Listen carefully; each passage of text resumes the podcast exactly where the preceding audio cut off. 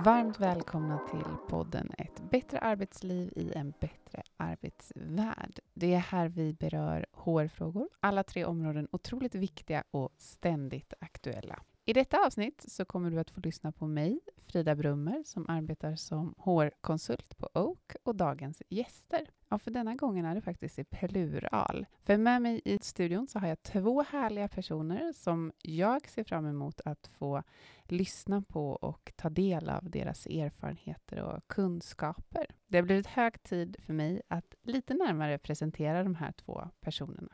Vår första gäst är en person som har mycket fart och gillar när det händer saker. Det är en person som är företagsam och ser till att det händer saker, både privat och på jobbet.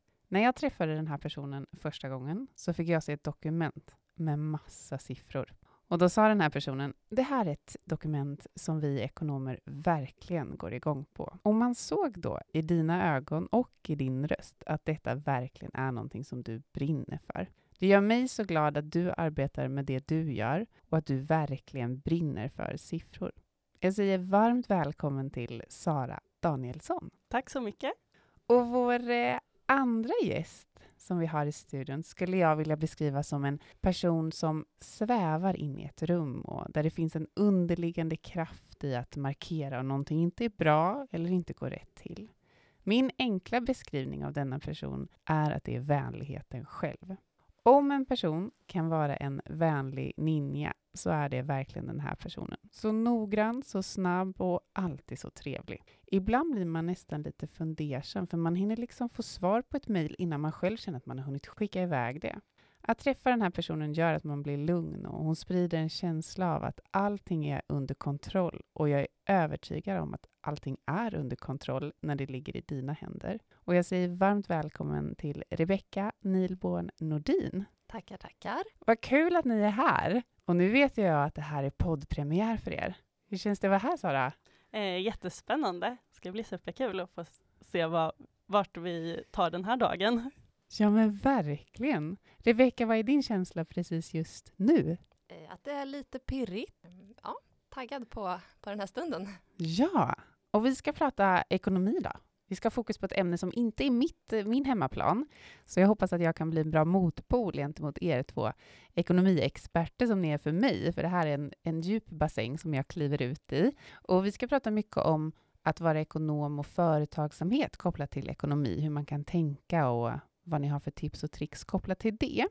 Och ni jobbar som ekonomikonsulter på Ekotid, som är ett systerbolag till Oak, så vi ingår i samma koncern. Och jag tänker om ni bara lite kort för att vi ska få en förståelse för vad ni gör till vardags. Sara, hur skulle du beskriva ert jobb för någon som inte vet vad ni gör? Ja, precis. Det är inte helt lätt. Det är väldigt brett det vi gör.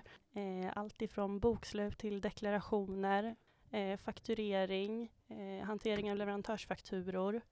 Eh, allt det här blir också mer digitalt, eller har blivit senaste tiden, så att vi går ju mer mot en rådgivande roll som vi vill eh, hjälpa våra kunder eh, framåt, även med affärsutveckling. Då. Snyggt. Rebecka, om vi bara så, tittar i backspegeln, vad, vad la du mest tid på, säg förra veckan på jobbet? Eh, I förra veckan la jag mest tid på att eh, knyta ihop eh, november eh, för mina kunder, att eh, se till att deras eh, jobb eh, skickas ut i fakturor till kunderna eh, och eh, ja, men, rapportera vad som har hänt lite snabbt då till ägare. Ja, absolut. Superbra. Och jag vet ju att ni jobbar gentemot många olika branscher och ni stöttar olika typer av företag, olika storlek och ibland hjälper ni till med, med lön och ibland bokslut som ni berättar. Det är väldigt blandat, så ni stöter ju på massa olika frågor och som du sa där, Sara, att man blir mer rådgivande. Eh, för många företagare startar ju faktiskt sitt företag för att de älskar sin tjänst eller sin produkt eh, och det här som ni jobbar med är nödvändigt ont. Det går liksom inte att ducka för den frågan.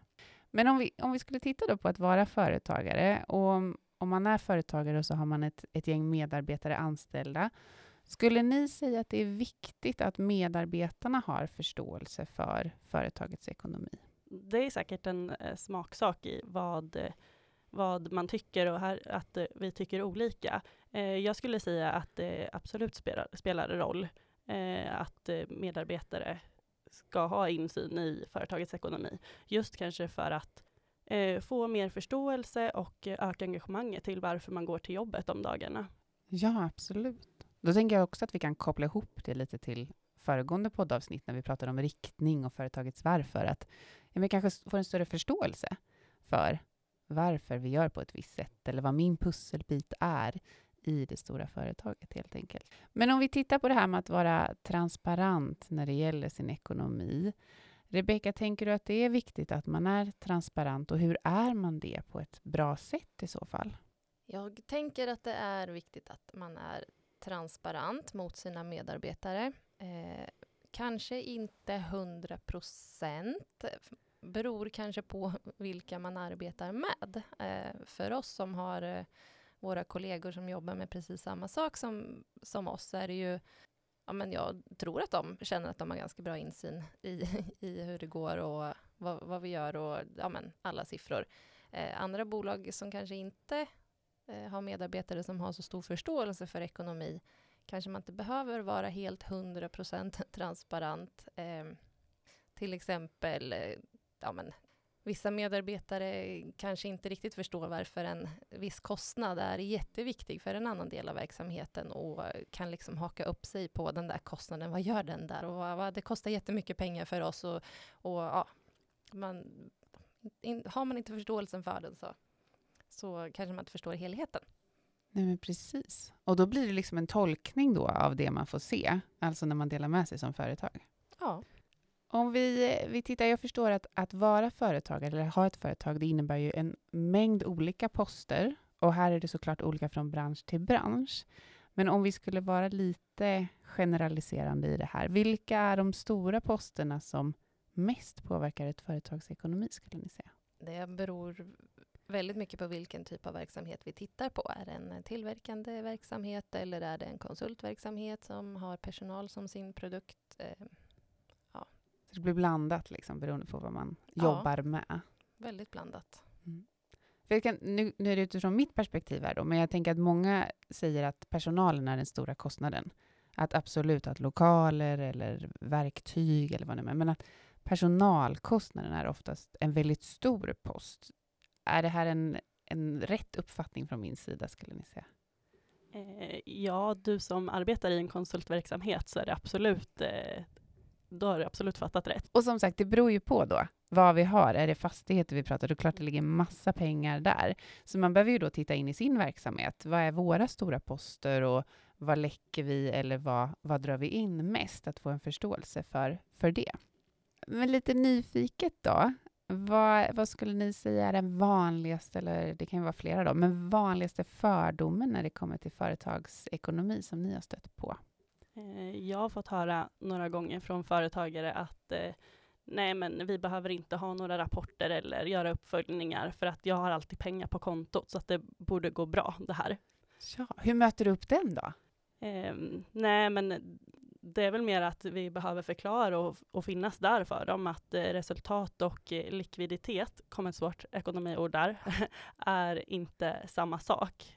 Eh, så det beror på om du har låst dina pengar i investeringar eller om du har dem på kontot, behöver inte betyda att resultatet går bra, om man säger. Nej. Och om vi bara kort då stannar vid det här svåra ekonomiordet. Hur skulle man beskriva likviditet för någon som kanske inte jobbar med ekonomi till vardags. Ja, exakt. Eh, eh, om du har, eh, beroende på hur mycket pengar du har på kontot då, eh, vad du kan röra dig med, din plånbok om man säger då, för företaget. Det är min likviditet. Förstod jag rätt då? Precis. Så företagets plånbok är likviditeten. Gud vad jag gjorde ert jobb superenkelt nu känner jag. Jag kanske förenklade det väldigt mycket. Nej, det ska vara enkelt. Man mm. behöver inte krångla till det. Nej. Ja, men det är bra och jag tänker innan när vi pratade så har vi liksom sagt att man har en kärnverksamhet, det är någonting man brinner för. Ekonomi är viktigt, men det kanske inte är där jag har mitt hjärta. Jag vill kunna ta ut en lön och jag vill kunna ha mina anställda, men det jag brinner för kanske är min produkt eller min, min tjänst helt enkelt. Men om vi tänker att jag har ett relativt nystartat företag, oavsett bransch, oavsett om det är anställda eller om vi är jättemånga, vad det nu kan tänkas vara. Men vad skulle ni säga är de viktigaste liksom, posterna eller delarna rent ekonomiskt att ta tag i direkt och tidigt? Det är väl att eh, sätta ner planen för vad man vill med eh, sitt företag och eh, ja, vart man vill att det ska ta vägen. Så en tydlig målsättning, liksom, vart, man, vart man ser sig själv i framtiden? Ja, exakt. Superbra. Och det här kanske är saker som man inte har tänkt på, alltså rent så här, sätta upp mål eller sätta upp vad vill vi nå liksom rent ekonomiskt eller som företag? Eh, när jag gick eh, företagsekonomi på gymnasiet så sa min eh, lärare där att det viktigaste och absolut första man måste göra det är att sätta sin affärsidé och utifrån den bygga sin vision och sen göra sin plan för vad man vill. Så den har alltid hängt med mig i, i mina tankar om vad ett företag är i alla fall och vad man vill göra. Jättebra, superkonkret också. Att så här, men vad ska jag ta tag i? För det kan ju säkert vara mycket som startar på grund av engagemang eller vilja i det här. Ja, har man ingen affärsidé och ingen vision så är det ju jättesvårt att, att veta vad man vill jobba emot. Ja, såklart. Om man tänker då att man är mitt uppe i det här. Jag driver mitt företag och vi vet alla att det går upp och det går ner och nu har det varit lite så här, men är det bra just nu eller är det dåligt? Så olika, olika branscher. Men hur skulle ni säga att man kan vara ekonomiskt smart eller kanske ekonomiskt medveten som företag? Vad, vad ska jag tänka på då? Eh, planera framför allt eh, och även se över vad har jag för kostnader i bolaget som jag måste ha för att kunna driva min verksamhet. Finns det något jag kan eh, skruva på eller eh, inte behöver just nu om det är tuffa tider? Men om man säger då att det, det är tuffa tider. Jag fattar så här, nej det kanske inte hjälper om jag plockar bort fruktkorgen liksom. Men vad kan jag göra då när jag känner så här, nu är det tråkigt. Vad, vad är era bästa tips där? Mm, om du tycker att, eller att man eh, har gått igenom de, eh, och minskat sina kostnader, eh, vilket jag också kan tycka är eh, lite negativt att sitta och jaga kostnader. Eh, jag ser ju hellre att man jagar intäkter eh, och jobbar för det positiva. Och sen ja, men till vardags omvärldsbevaka. Vad är det som händer där ute? Kan vi se lite längre fram? Det är svårt att veta vad som händer med eh, kriget och inflationen, men kan man förutse någonting var, vart min bransch befinner sig i det här? Har det någon påverkan? Så lite in i spåkulan helt enkelt. Hur ser det inte bara fastna i hur är det precis just nu, utan också framöver? Exakt, för det gör ju det enklare för dig att planera sen vad, vart du vad du kan göra av informationen. Ja. Jag tänker också att det är viktigt att ta hjälp av de eh, som jobbar med ekonomin, att eh, ställa frågorna där. Ser du någonting som vi kan göra för att rädda, rädda verksamheten eller ja, vad som helst? Att ta hjälp av de som, som kan. Att du som kanske normalt sett inte jobbar som, med eh, siffror utan du fokuserar på din specialitet i bolaget. Ta hjälp av, ta hjälp av ekonomi med det. Men superbra. Jag tänker att ni säger varsin superkonkret sak här. Att ta hjälp, som du säger Rebecka, att så här, men det här kanske inte är min hemmaplan. Hur, hur tar jag hjälp? Och det du säger, så, men Sara, att jag kanske inte ska jaga att sänka kostnader, utan jag ska öka intäkter. De blir ju väldigt, väldigt konkreta, de här två sakerna. Ja, precis. Och när du kanske har det lite tufft som företagare, att inte vara rädd för ekonomikostnaden, utan den kanske är just det som, som eh, räddar upp dig, att du får hjälp med det. Att det kanske får kosta lite där då. Men om jag utmanar här då. Det där kan ju låta lätt i teorin. Men om jag skulle sitta och vara företagare så skulle man kanske vara ganska rädd för att ja, men jag vill göra allt annat än dra på mig en kostnad. Hur tänker ni att man ska resonera där? Ett första steg kan ju vara om man då inte har en ekonom på plats utan man kanske har, som våra kunder har, en ekonomikonsult att eh, ställa frågan. Vad skulle det kosta oss att få den här hjälpen eh, innan man sätter beslutet. Att bara ställa frågan till oss kommer inte kosta dig någonting. Nej, men precis. Jag vet att jag fick höra, eh, nu minns jag inte vilket sammanhang, men då var det någon som sa att vi kan aldrig bromsa oss i en uppförsbacke. Så om vi har lite, liksom, känner att det kanske är tungt eller det inte är samma liksom, blomstrande verksamhet eller marknad just nu så behöver vi ändå gasa på. Jag tänker att det är lite det ni säger här också, fast med andra ord. Att jag kanske behöver räcka ut handen och få hjälp och titta på vad kan jag öka mina intäkter eh, för att få fart upp i den här backen som det kanske dippar lite precis just nu. Nu tänker jag att jag ska ta ett steg ut i ett område som kanske är lite djupt för mig och säkert är så baskunskap för er. Men om vi tittar lite på så budget, prognos, det är sånt man hör. Så, här, nu har vi budgetarbete, vi har inte tid. Så där. Det känns som en sån klassiker. Eller ja, vi ska sätta prognos här, eller vi har prognosarbete. Det tror jag att många av oss känner igen. Men så kanske man inte tänker ett varv till. Vad är det vi menar? Vad är det vi menar när vi säger budget och prognos? Och varför ska vi jobba med det här? Du var inne innan, Sara, på planering. Men om vi förtydligar lite med budget och prognos, vad, vad tänker ni att vi kan dela med oss av där? Eh, budget är ju en del av planeringen och eh, även prognosen. Då. Ut, och, och, den eh, sätter vi oftast då utifrån eh, företagens mål och visioner. Vad är aktuellt eh, framåt? Eh, att vi är lite framåtlutande. Hur ofta rent så här, nu pratar du om planering, pratar vi årsbasis, kvartal, alltså hur ofta ska jag jobba med min budget eller min prognos? Va, där kanske det också skiljer sig såklart, men har vi något riktvärde att liksom, konkret hålla oss i här? Eh, ja, absolut, och det är väldigt individuellt eh, utifrån hur stor verksamheten är och hur ofta man vill följa upp. Eh, budget görs oftast på årsbasis. Prognoser kan du följa upp eh, eh, halvårsvis, kvartalsvis, veckovis, dagvis beroende på vad det är för verksamhet och om du känner att du har behov av det.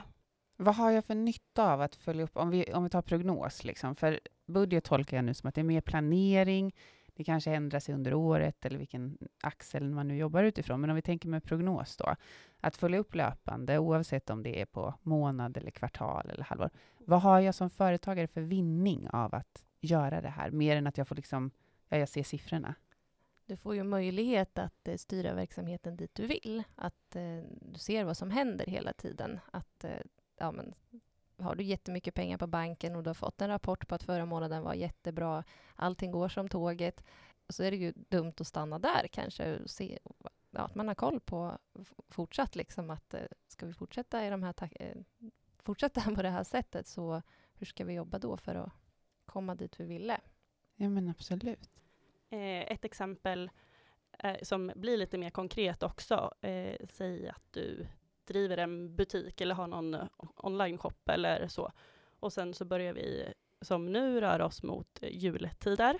Eh, folk är ute och handlar julklappar och eh, om vi inte skulle ha det i beaktelse så har vi kanske inte varor på lager eller annat och att vi tappar stora vinster som vi skulle kunna tagit del av då. Eh, så där är det väldigt viktigt att man är med och omvärldsbevakar och ja, men vad är det som händer i nuläget? Verkligen. Jag tänker också, många branscher som jag har jobbat med så har man ju så här, men det här är, här är våran hög liksom säsong. Det är här vi har som mest att göra. Och sen så ser man att det dippar någon annan gång under året. Att det är så här, ja, men jag har specifikt ett företag som är väldigt säsongsbetonat, som bland annat håller på med snön där ute just nu. Och då blir det väldigt tydligt att säga, ja, men på, på vinterhalvåret, då är det ju full rulle.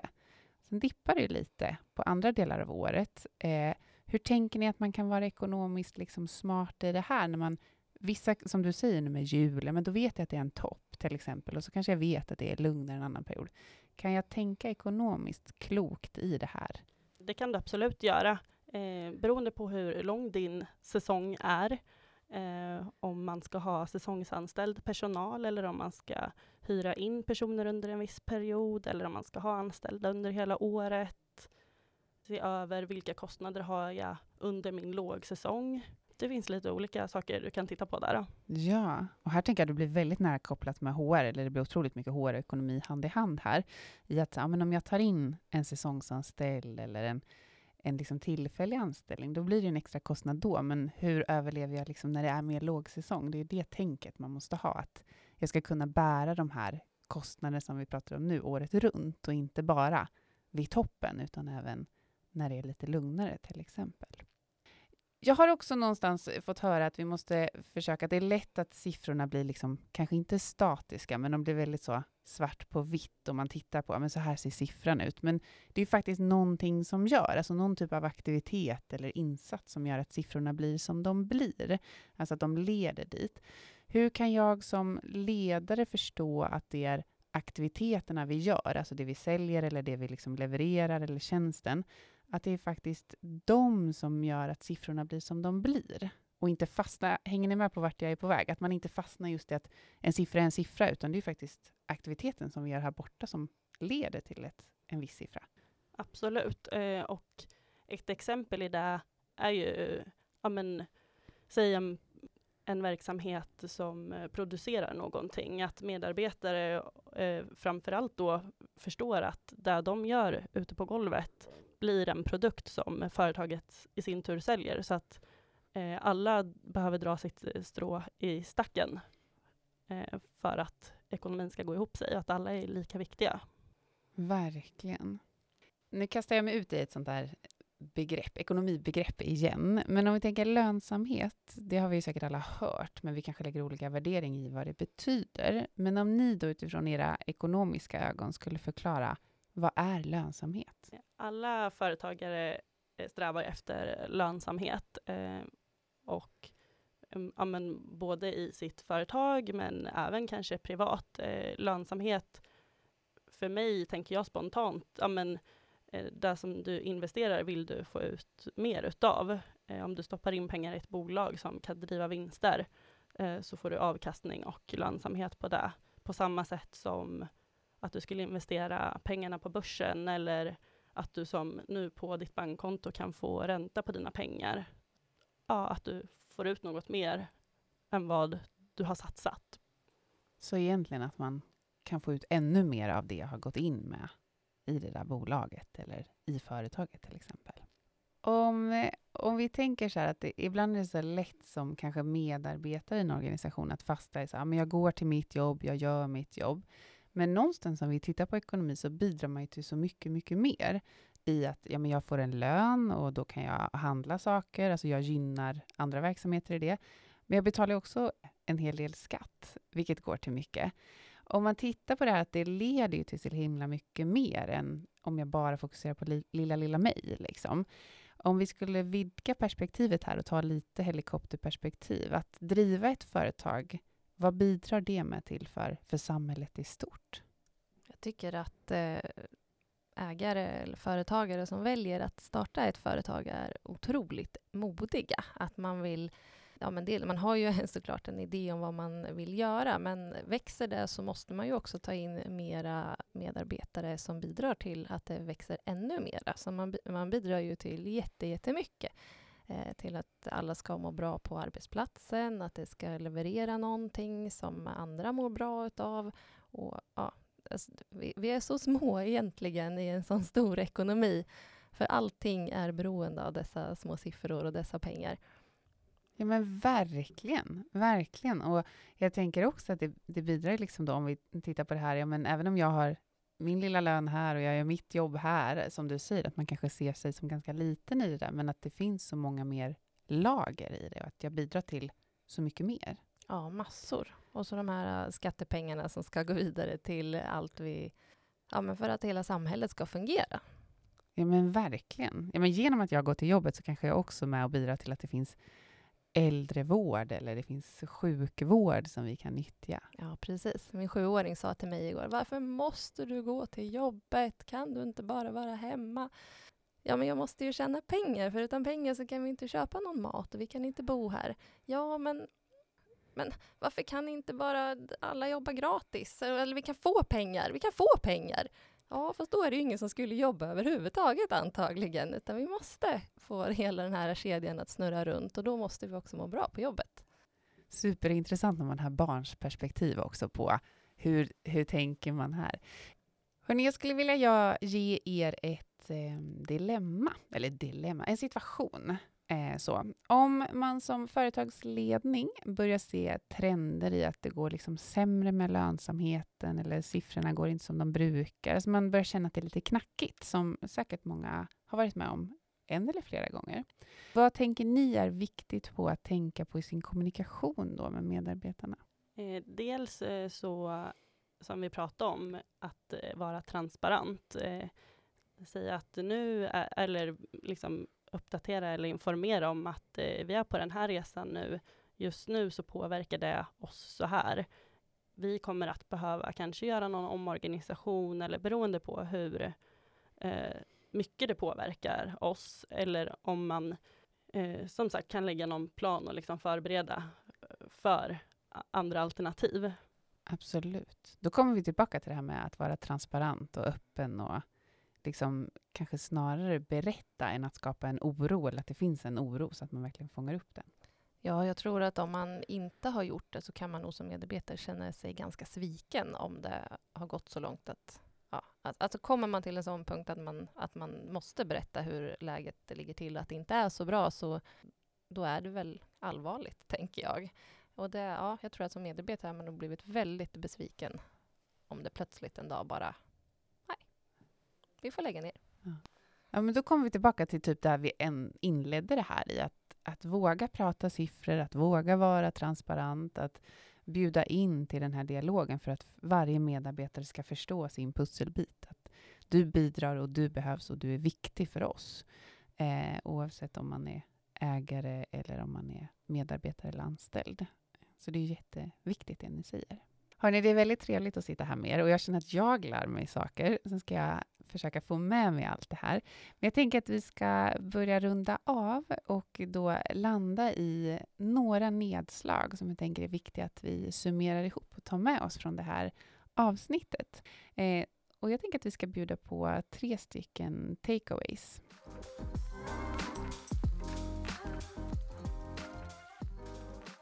Och det första jag tänker att vi summerar ihop, det är att våga prata siffror och ekonomi med sina medarbetare. Vad är era tankar kring att jobba med den punkten?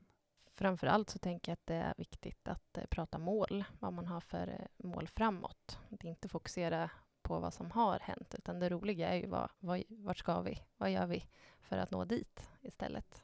Superbra, superkonkret också. Att ha framtidsfokus, att kanske lära av det som varit, men också som du säger, våga blicka fram och vad gör vi nu? Precis, att medarbetarna kanske inte behöver veta hur, alla detaljer om hur det har varit, men däremot hur, hur vi ska jobba framåt. Jättebra. Jag tänker den andra, att våga be om hjälp för att optimera den ekonomiska hanteringen för ett företag. Varför, vad tänker ni att den är viktig att ha med sig? Att man som företagare inte känner sig ensam om sin situation. Ehm, att det kanske inte... Det känner man sig lite orolig för siffrorna så kanske ekonomen eller ekonomikonsulten sitter med helt annat lugn och säger men det här och det här och det här kan vi ju göra. Du har ju tillgångar här och du har vi kan göra det här och det här. Så att, att våga prata om det så att man inte känner sig ensam. Det kanske finns en jätteenkel lösning som du inte känner till. Jättebra. Och jag tänker det du är inne på ta expertkunskap. Liksom. Mest troligt är det inte ekonomi du kanske brinner för eller där du är som starkast. Så att våga be om hjälp eller våga liksom ställa frågorna. Den sista saken som ni har varit inne på återkommande gånger som jag tycker är en för mig en stark liksom, takeaway i det här, det är att planera det ekonomiska året och våga koppla ihop ekonomi med företagets varför och riktning. Vad tänker ni om den? Vill man göra skillnad och nå framgång så är det en förutsättning att man har engagerade medarbetare och, eh, och att medarbetare eh, vet varför de går till jobbet och att de känner en samhörighet med företaget att eh, eh jag vill samma sak, att eh, vi går alla mot samma mål. Absolut. Hörni, nu är podd avsnittet snart nått sitt slut. Hur har det känts att vara här? Sara, vad är din reflektion? Nu har du gjort ditt första poddavsnitt här. Hur ja, exakt. Nej, men jättekul att få vara här. Vill ni ha del två av oss så kan vi säkert eh, komma tillbaka. Då är ni redo. Då ringer jag er. Det är superbra.